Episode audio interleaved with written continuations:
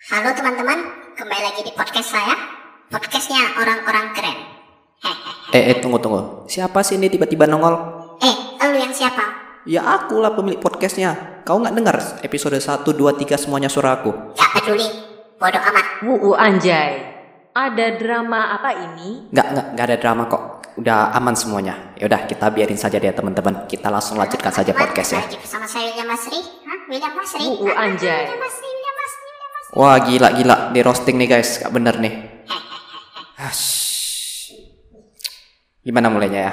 Oke, saya mulai ya. Jadi hari ini teman-teman, kita mau bahas sesuatu yang simple, nggak gitu berat. Yaitu kita mau bahas terkait dengan passion.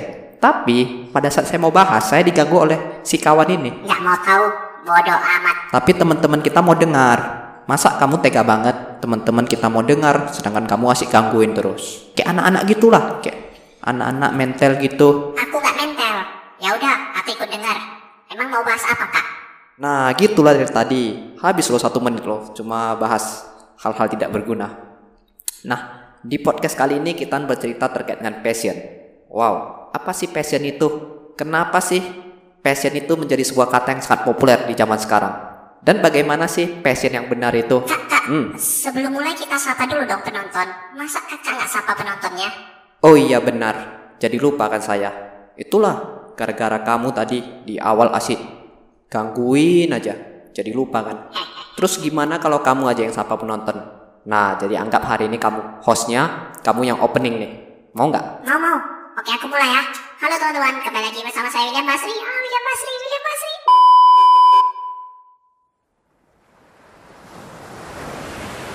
Oke teman-teman, tadi ada sebuah intermezzo dan dia juga sudah saya blok, sudah saya karantina teman-teman. Soalnya kenapa?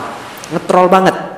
Walaupun ya sebenarnya itu bagian dari skripsi, tapi nggak apa-apa itu hanya sebuah hiburan. Nah, sebelum saya masuk ke topik utama kita di podcast kali ini teman-teman, izinkan dulu pertama-tama saya itu menyapa teman-teman. Karena saya yakin kok teman-teman yang dengerin podcast ini pasti punya aktivitas. Jadi untuk aktivitas teman-teman semoga berjalan lancar, semoga perfect, semoga sesuai dengan rencana. Kita juga masih mengalami pandemi Covid teman-teman ya, masih menghadapi pandemi Covid. Utamakan protokol kesehatan, pakai masker, social distancing dan lain sebagainya. Itu untuk menjaga kesehatan teman-teman. Di mana ada pepatah mengatakan di dalam tubuh yang kuat terdapat jiwa yang kuat. Eh, salah. Di dalam tubuh yang sehat terdapat jiwa yang kuat. Nah, jadi tubuh kita harus sehat teman-teman supaya kita bisa beraktivitas dengan produktif. Yuk teman-teman, jadi kita langsung masuk saja ke topiknya yaitu kita membahas terkait dengan passion. Kita bahas lebih jauh lagi, tapi ini semua berdasarkan pola pikir saya teman-teman. Bisa jadi benar, bisa jadi salah. Tapi sebelum kita mulai sebenarnya saya juga bingung sih, apa sih passion itu? Bentar-bentar saya mikir dulu. Jadi kita cobalah bertukar pikiran ya. Kalau ada salah, maaf banget teman-teman. Ambil saja positifnya. Menurut saya, passion itu kalau kita search di bahasa Indonesianya ya, kita translate, passion itu gairah. Uh, gairah. Dalam arti itu seperti sebuah ambisi. Saya sering dengar kata-kata orang, saya passionnya ini di bidang A misalnya, di bidang kuliner misalnya. Saya tuh passionnya di bidang broadcasting. Tapi sebenarnya saya terkadang masih mikir juga, kenapa sih dia bisa mengatakan hal tersebut? Kenapa sih dia bisa mengatakan dia passionnya di bidang A, B, C, dan seterusnya? Untuk itu saya search di YouTube nih, bagaimana cara menemukan passion saya misalnya. Karena saya sendiri pun nggak tahu passion saya itu apa. Kenapa saya nggak tahu? Karena untuk mendalami arti kata passion ini susah banget teman-teman. Terkadang kita itu bingung, beda passion, beda hobi, beda bakat ya. Tapi nanti itu akan saya jelaskan lebih dalam lagi. Setelah kita berkenalan dulu dengan passion ini. Pada saat saya search di YouTube, saya mendapatkan banyak konten yang menjelaskan bagaimana kita bisa menemukan passion kita. Ada yang menjelaskan kalau kita itu harus melis dulu bakat kita dan melis dulu apa yang kita kerjakan. Nah, sampai tahap sana teman-teman.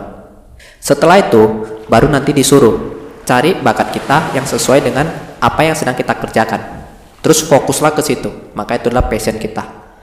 Dalam arti, ketika kita mengerjakan sesuatu hal yang berhubungan dengan passion kita, kita itu akan merasa sangat enjoy, tidak pernah bisa capek dan rela tidak dibayar sepeser pun. karena memang kita itu tergila-gila dengan pekerjaan yang sesuai dengan minat dan bakat kita itu misalnya ya atau bisa dikatakan passion itu minat dan bakat lah tapi setelah saya kaji lebih dalam lagi ternyata nggak sesimpel itu.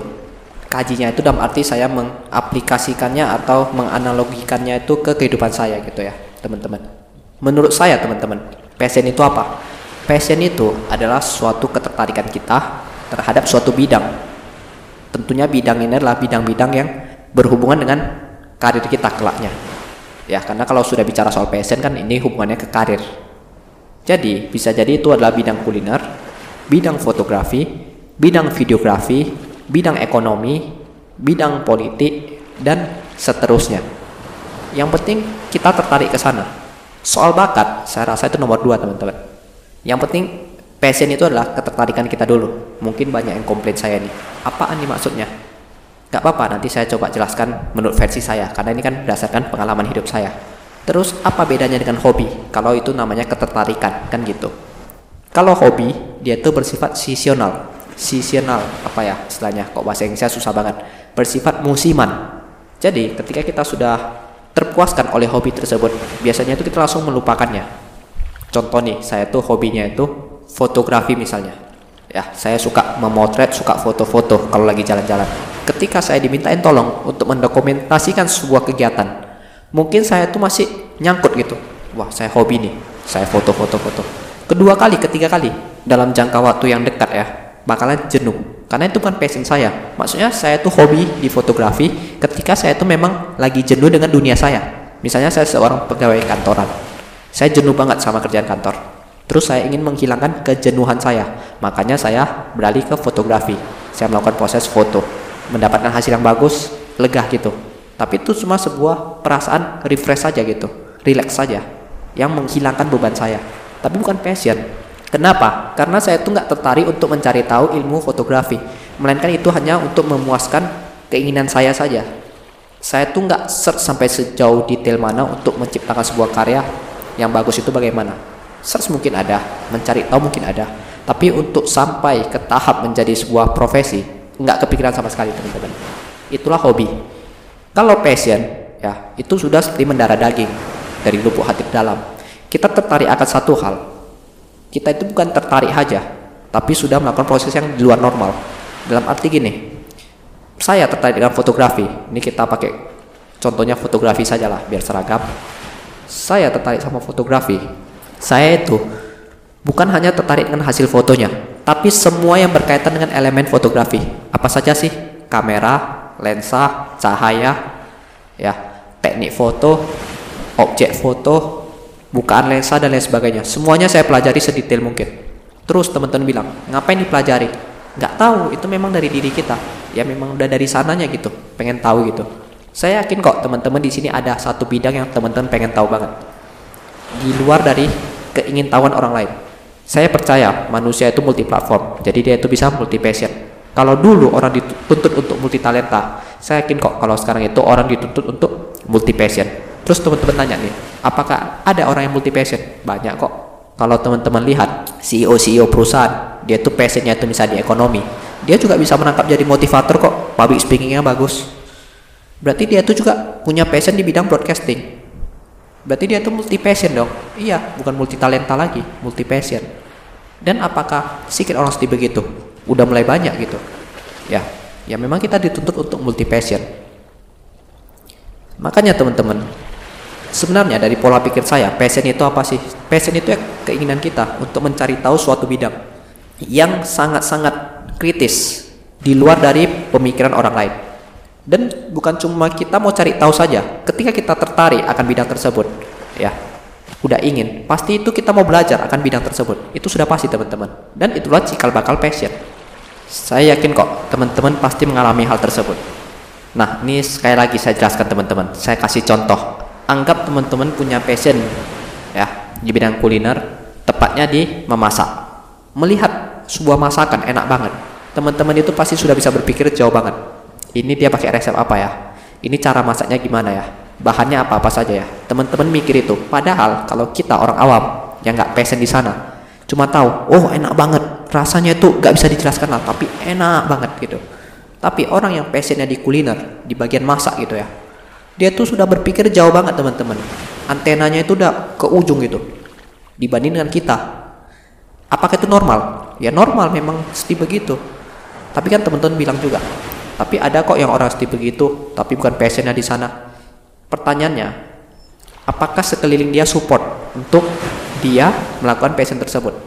Saya yakin kok, kalau ada orang sampai tahap di sana, tapi dia nggak bekerja di bidang tersebut, itu bukan berarti passion dia itu nggak di sana, tapi passion dia itu terpendam. Nah itu adalah sebuah analoginya lah ya. Jadi ini kita kalau masuk ke dunia nyata kita pikirnya seperti begini. Ada satu anak misalnya, dia tuh jago main musik, dia jago main piano ya, jago main piano. Tapi keluarganya ini dari background ekonomi. Keluarganya ini punya pola pikir, kalau mau kaya ya harus berdagang gitu. Tapi si anak ini jago main piano, otomatis orang tuanya itu nggak setuju anak ini main piano. Maka anaknya ini dikasih sekolah ekonomi, dibukain usaha jadi pedagang. Nah terus sukses, memang sukses dia. Terus teman-teman bilang, wah dia itu kan jago main piano, ya. Dia itu tertarik banget dengan piano. Tapi buktinya dia itu jadi pedagang kok, bukan jadi pianis gitu ya. Padahal kalau menurut persepsi saya harusnya dia itu passion di piano. Ya betul teman-teman. Dia itu punya passion sebagai pedagang juga berarti. Tapi bukan berarti karena dia punya passion sebagai pedagang, passion pianonya hilang atau passion pemain musik ya. Melainkan passion pemain musiknya itu tenggelam ataupun terpendam. Kenapa? Karena keluarga dia nggak support. Jadi ketika dia sukses menjadi pedagang misalnya, sudah kaya, terus dia masih latihan piano, menyalurkan bakatnya. Rupanya orang menikmatinya, bisa jadi dia jadi selebgram, terkenal, jago main piano. Bisa jadi, bisa. Berarti passion dia itu bangkit lagi. Jadi di sini harus teman-teman tahu. Terkadang kalau orang sukses itu di passion A misalnya, bukan berarti passionnya itu hanya di A saja. Manusia itu bisa multi passion teman-teman, bisa multi bakat gitu. Enggak selalu orang yang sukses di bidang A itu, memang dari awal itu dia itu kepikiran bidang A. Ya, dari muda dia tuh sudah set bidang A, belum tentu. Kan ada namanya faktor keberuntungan. Bisa jadi nih dia dari awal setnya itu musik, rupanya sampai tengah diajak berdagang pula. Eh, jadi pedagang sukses. Kan nggak ada yang tahu. Tapi apakah jiwa dia yang suka musik itu hilang? Enggak, belum. Nggak bakal hilang itu teman-teman. Itu adalah bawaan lahir. Nah, ini yang paling penting teman-teman. Tapi teman-teman, saya mau meluruskan sedikit. Saya takut ini malah menyesatkan teman-teman pula nanti. Saya takut banget ketika saya share ini teman-teman menjadi bilang, iya nih, passion saya harusnya di bidang A, tapi orang tua nggak setuju. Dia tuh asik suruh saya ke B dan lain sebagainya. Nah ini saya paling takut banget. Ketika saya mengatakan hal tersebut, hal yang tadi barusan saya ceritakan ya, terkait dengan passion yang terpendam, itu bisa terjadi kalau benar-benar passion. Nah mungkin teman-teman bingung ini, saya ulang lagi. Itu bisa terjadi kalau benar-benar passion. Dan yang pasti itu bukanlah sebuah hobi ataupun ketertarikan yang bersifat sementara saja. Kalau itu benar-benar passion teman-teman, sampai teman-teman pengen tahu ke ujung-ujungnya ya, sampai teman-teman search di Google, search di internet terkait dengan bidang tersebut, ya mungkin saya bisa katakan itu benar-benar passion teman-teman. Tapi kalau teman-teman hanya ingin sesaat, contoh nih kita buat analoginya apa? Masak lah ya, masak. Kalau teman-teman memang tertarik banget dengan dunia masak, sampai teman-teman cari di internet, teman-teman beli bahannya, eksperimen di rumah, masak di rumah setiap kali gitu ya. Setiap ada mendapatkan resep baru, pokoknya teman-teman sampai tergila-gila seperti begitu. Ya mungkin itu saya mengatakan memang itu benar-benar passion teman-teman. Tapi kalau teman-teman hanya sekedar dari nonton Master Chef, tiba-tiba kepikiran pengen jadi chef gitu. Nah itu yang salah teman-teman. Itu hanya hobi. Bisa dikatakan hobi sesaat, keinginan sesaat. Kenapa? Bisa jadi, misalnya nih orang tua, teman-teman posisikan diri teman-teman sebagai orang tua nih. Kasih anaknya sekolah di e, jurusan masak lah, hospitality kita katakan. Ternyata dia itu cuma hobi saja. Pada saat semester 1, dia tuh sudah jenuh gitu, udah males. Wah, ternyata ini bukan passion saya. Nah, itu teman-teman salah. Jadi, ketika saya katakan ada passion yang terpendam, itu betul-betul passion ya, bukan berarti hobi atau kenikmatan sesaat saja. Nah, itu yang salah. Jadi ini harus betul-betul dibedakan dan dipisahkan mana hobi dan mana yang ya benar-benar passion lah. Makanya itu kalau misalnya kita mau milih jurusan, introspeksi dulu, tanya dulu kepada diri kita. kita itu betul-betul di mana sih bagiannya? Ketika orang tua bilang kamu masuk ekonomi saja. Teman-teman pikir saya sama ekonomi ini bagaimana ya? Rasanya semua jurusan biasa-biasa saja. Kalau memang semua jurusan biasa-biasa saja berarti teman-teman itu belum menggali diri teman-teman lebih dalam lagi. Ya memang bisa saja hal tersebut terjadi itu dikarenakan mungkin teman-teman masih banyak waktu bermain-main. Tapi kalau teman-teman berintrospeksi memikirkan 10 tahun ke depan teman-teman bakal jadi apa misalnya ya? Mungkin jawabannya itu akan muncul. Oh saya selama ini tertarik banget dengan dunia politik. Apakah saya mau menjadi politisi ya? Misalnya nih misalnya. Tapi kan politisi itu ngeri gesekannya. Nggak jadilah. Nah, ya berarti teman-teman bisa memilih. Itu kan contoh. Apa saya menjadi ekonomi saja ya? Menjadi karyawan akuntan misalnya saya tertarik kok dengan akuntansi di lembaga pendidikan tapi akuntansi itu bagaimana ya? Susah nggak ya teman-teman mencari di internet? Lihat-lihat para akuntan, lihat banyak contoh laporan keuangan. Oh ternyata laporan keuangan itu menarik. Nengok-nengok rasio, wah rasio ini menarik, bisa dihitung semuanya. Nengok saham, oh ternyata saham itu gini pergerakannya. Tertarik, ya mungkin passion teman-teman di sana gitu. Dan ingat, yang namanya masuk dalam satu bidang, meskipun kita passion ya meskipun saya passion di ekonomi misalnya dan saya terjun di bidang ekonomi bukan berarti saya tuh nggak bakal menghadapi kesulitan lagi. Kalau teman-teman bilang orang yang berpassion itu nggak bakal menghadapi kesulitan lagi di bidang dia ya teman-teman salah. Meskipun dia passion di bidang ekonomi dia terjun ke bidang ekonomi ya bakal tetap menghadapi kesulitan. Kenapa? Karena ilmu tersebut kan berkembang terus dan kita harus belajar. Hanya saja teman-teman untuk beradaptasinya. Ini kembali lagi yang saya katakan manusia itu makhluk yang mudah beradaptasi. Untuk beradaptasinya itu gampang. Ya karena dia itu sudah tertarik gitu. Dibanding dengan orang yang memang sama sekali nggak tertarik. Contoh nih dia itu passionnya di hukum. Ya dia tuh pengen banget masuk hukum. Dari kecil udah pelajari hukum-hukum ya. Rupanya orang tuanya ini nggak kasih karena dia itu dari background pedagang misalnya. Udah kamu ekonomi aja ambil manajemen jadi pengusaha. Ya nolak otaknya otaknya itu pasti nolak gitu nggak mau terima dia. Ya itu susah. Passionnya memang nggak di sana gitu. Saya ini cuma coba menjelaskan kata-kata passion itu dengan simpel banget teman-teman. Mungkin kalau teman-teman berdiskusi dengan orang luar teman-teman bisa mendapatkan arti yang lebih luas lagi. Tapi kalau sama saya ya berdasarkan pandangan saya saya itu berusaha menyederhanakannya sesimpel mungkin. Mungkin ini bisa menjadi modal dasar kita untuk tebus ke dunia kerja gitu dan mungkin ini adalah pertanyaan teman-teman soal kemauan orang tua tadi ya soal kemauan orang tua tadi. Teman-teman mungkin tanya, iya kalau begitu bagaimana cara saya buktikan ke orang tua bahwa passion saya itu ya di bidang A misalnya. Sebenarnya gampang kok. Cara buktikannya itu jangan menggunakan kata-kata. Kalau kita menggunakan kata-kata ataupun menggunakan bicara ya, saya tuh tertarik karena ini, alasannya ini ini ini, ya nggak akan ada yang percaya gitu. Buktikan dengan karya itu paling gampang. Buktikan dengan karya.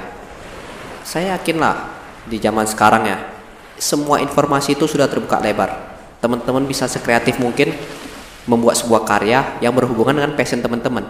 Jadikan itu sebagai bukti bahwa teman-teman itu serius. Saya kasih contoh, kalau kita suka di dunia masak, buatlah masakan yang enak itu. Kasih karya kita itu berbakat sebagai seorang chef misalnya. Teman-teman punya passion di bidang lukis, melukis gitu mau jadi animator. Ya kasih karya teman-teman. Buat gambar animator kasih lihat nah ini karya saya. Saya tuh punya passion di bidang ini saya mau fokus.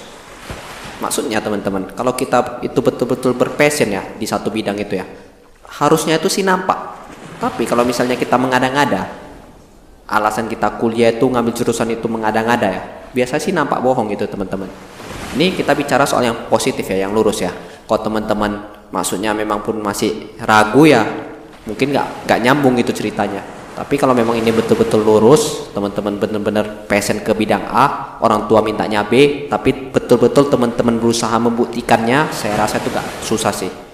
Teman-teman cuma perlu kasih lihat karya teman-teman saja dan pastinya itu kalau teman-teman bisa menunjukkan karya teman-teman tidak ada alasan lah untuk menolak hal tersebut saya yakin kok tidak ada alasan kecuali orang tua kita itu pemikirannya masih konvensional atau boomers lah dikatakan itu sih memang agak susah kalau memang seperti begitu sih biasanya itu saya itu lebih memilih cari uang sendiri, bayar uang kuliah sendiri sesuai dengan jalan saya. Tapi ini bukan berarti jalan saya ini menyesatkan orang lain. Saya nggak mau teman-teman mengambil jalan saya kalau nggak yakin. Tapi kalau saya sendiri akan mengambil jalan tersebut. Kenapa? Karena saya juga nggak mau dibiayai oleh orang lain, dibiayai oleh orang tua, tapi orang tua itu nggak ikhlas lihat saya kuliah di bidang yang dia nggak sukai. Jadi mending saya cari uang sendiri saja, gitu teman-teman. Tapi saya nggak rekomendasi teman-teman ikuti jalan saya nanti dikirain saya ngajarin jadi anak durhaka gitu ya nggak nggak sama sekali ini saya cuma berbagi pengalaman seperti yang saya katakan itu dan sebenarnya ini juga sudah mau masuk ke sesi penutup ya. Kita berbincang-bincang banyak hal terkait dengan passion. Akhirnya sih sebenarnya saya cuma mau mengatakan bahwa sebenarnya passion itu tidak selalu sejalan dengan bakat. Walaupun nggak sejalan bukan berarti selalu ya. Kalau bakat dengan passionnya sejalan ya bagus. Nah, mungkin teman-teman banyak yang bingung nih apa statement saya. Karena kan kalau yang kita ketahui itu kalau passion itu ya berawal dari bakat. Bakatnya apa baru passionnya itu ya kan. Tapi jujur kalau dari yang saya lihat, dari yang saya rasakan, passion itu tidak selalu sejalan dengan bakat. Jadi bisa jadi kita passion di bidang A, walaupun bakat kita nggak di sana, tapi ya kita bisa berhasil. Mungkin teman-teman masih bingung ya. Saya kasih contoh. Saya punya passion di bidang broadcasting seperti YouTube dan podcast. Tapi saya tuh nggak punya skill public speaking. Teman-teman bisa nilai lah public speaking saya gimana. Saya bicara itu awal-awal itu, wah sampai sekarang pun masih terasa sih. Pertama nggak jelas, kedua kecepatan, artikulasi nggak jelas. Pokoknya bad lah. Tapi karena saya sangat tertarik dengan dunia broadcasting, saya mencoba untuk belajar. Saya mencoba untuk memahami semua ilmu tersebut, walaupun saya itu memang nggak berbakat gitu apa sih target saya? Target saya itu bukan menjadi seseorang yang bisa berbicara lancar layaknya public speaker. Ya, layaknya orang-orang yang jago berbicara gitu. Enggak, saya enggak punya target itu, teman-teman. Jujur saja, target saya cuma satu. Teman-teman bisa menerima apa yang saya katakan. Itu saja. Bukan berarti menerima maksudnya saya bilang A harus A. Enggak, dalam arti suara saya itu bisa teman-teman dengar dengan jelas. Pesan saya itu tersampaikan. Itu saja teman-teman indikatornya bukan berarti kalau saya bicara itu harus suaranya nyaring enak didengar ya itu memang saya nggak punya bakat di sana. Tapi saya tuh hari demi hari belajar terus teman-teman. Dari situlah saya percaya bahwa passion dengan bakat itu tidak selalu sejalan. Tapi kalau kita serius kalau kita mau belajar kita mau beradaptasi ingat manusia itu adalah makhluk yang paling mudah beradaptasi. Maka bakat kita itu bisa terasah meskipun kita nggak punya bakat. Tiba-tiba bakat tersebut muncul sendiri dan terasa dan itu adalah suatu hal yang mustahil sebenarnya. Tapi itulah hebatnya manusia teman-teman melihat seseorang nggak punya potensi nggak punya bakat. Tiga tahun ke depan bisa jadi dia itu sukses. Entah dari mana jalannya. Iya memang manusia itu nggak tertebak. Jadi potensi di diri manusia itu nggak boleh dipandang sebelah mata. Ya dia punya potensi yang masih tidur dikatakan. Dan kalau itu terbangun ya kita nggak tahu kayak mana gitu ya. Jadi jangan pernah meremehkan orang lain. Kalau kita nggak mau diremehkan gitu ya. Orang lain kalau salah ya udah. Mungkin dia belum belajar gitu. Mana tahu sudah belajar jadi pintar, jadi cerdas ya kita nggak tahu gitu teman-teman ya. Dan mungkin sudah banyak banget kita cerita terkait dengan passion dan saya yakin kok masih banyak banget eh, cerita-cerita uh, terkait dengan passion. Hanya saja mungkin saya tuh nggak kepikiran karena ini podcast dan live ya maksudnya live itu langsung saya rekam jadi otak saya itu kan kadang sempit ya nggak nggak ada nggak ada supply pertanyaan untuk membuka otak saya yang lain gitu ya memori memorinya jadi ya gimana teman-teman ya mungkin jadinya nggak punya gambaran lah mau bicara apa lagi. Jadi mungkin saya akhiri sajalah teman-teman ya podcast kali ini. Karena saya rasa sih ini di bawah 30 menit tapi sudah mau mencapai 30 menit. Dan satu episode kita kan sekitaran 30 menit. Is okay, nggak apa-apa kita lanjut lagi di podcast selanjutnya. Podcast selanjutnya itu kita juga akan membahas banyak hal-hal menarik dan podcast episode kelima sekedar bocoran saja. Mungkin kita bahas terkait dengan pernikahan. Wow, saya belum nikah, tapi saya akan memberikan pandangan saya terkait dengan bagaimana sih pernikahan dari pola pikir saya, dari sudut pandang saya. Jadi mungkin bisa menjadi suatu hal yang menarik. Mungkin itu dulu teman-teman podcast kali ini. Terima kasih banget yang sudah mendengarkan. Kalau teman-teman punya pertanyaan jangan segan email saja, eh, DM saja di Instagram ya. dan juga atau ada hal yang teman-teman mau curhatkan terkait dengan podcast teman-teman boleh email saya ceritanya. Nanti kita bahas di podcast selanjutnya. Kita carikan solusi untuk teman-teman bagaimana karena memang podcast ini berbeda dengan YouTube. Kalau YouTube itu membahas akuntansi kalau di podcast itu kita bahas kehidupan sehari-hari ya nilai-nilai kehidupan yang lebih menarik lah. Singkat kata saya harus mengundurkan diri teman-teman. Terima kasih banget sekali lagi kepada teman-teman semua yang sudah mendengarkan podcast ini. Mohon maaf banget jika masih ada kekurangan. Masih banyak banget ya jika dibandingkan dengan podcaster podcaster terkenal pasti ini kalah banget. Tapi teman-teman mau mendengarkan saya itu adalah sebuah kebanggaan bagi saya. Saya William Basri kita berjumpa lagi di podcast selanjutnya. Dadah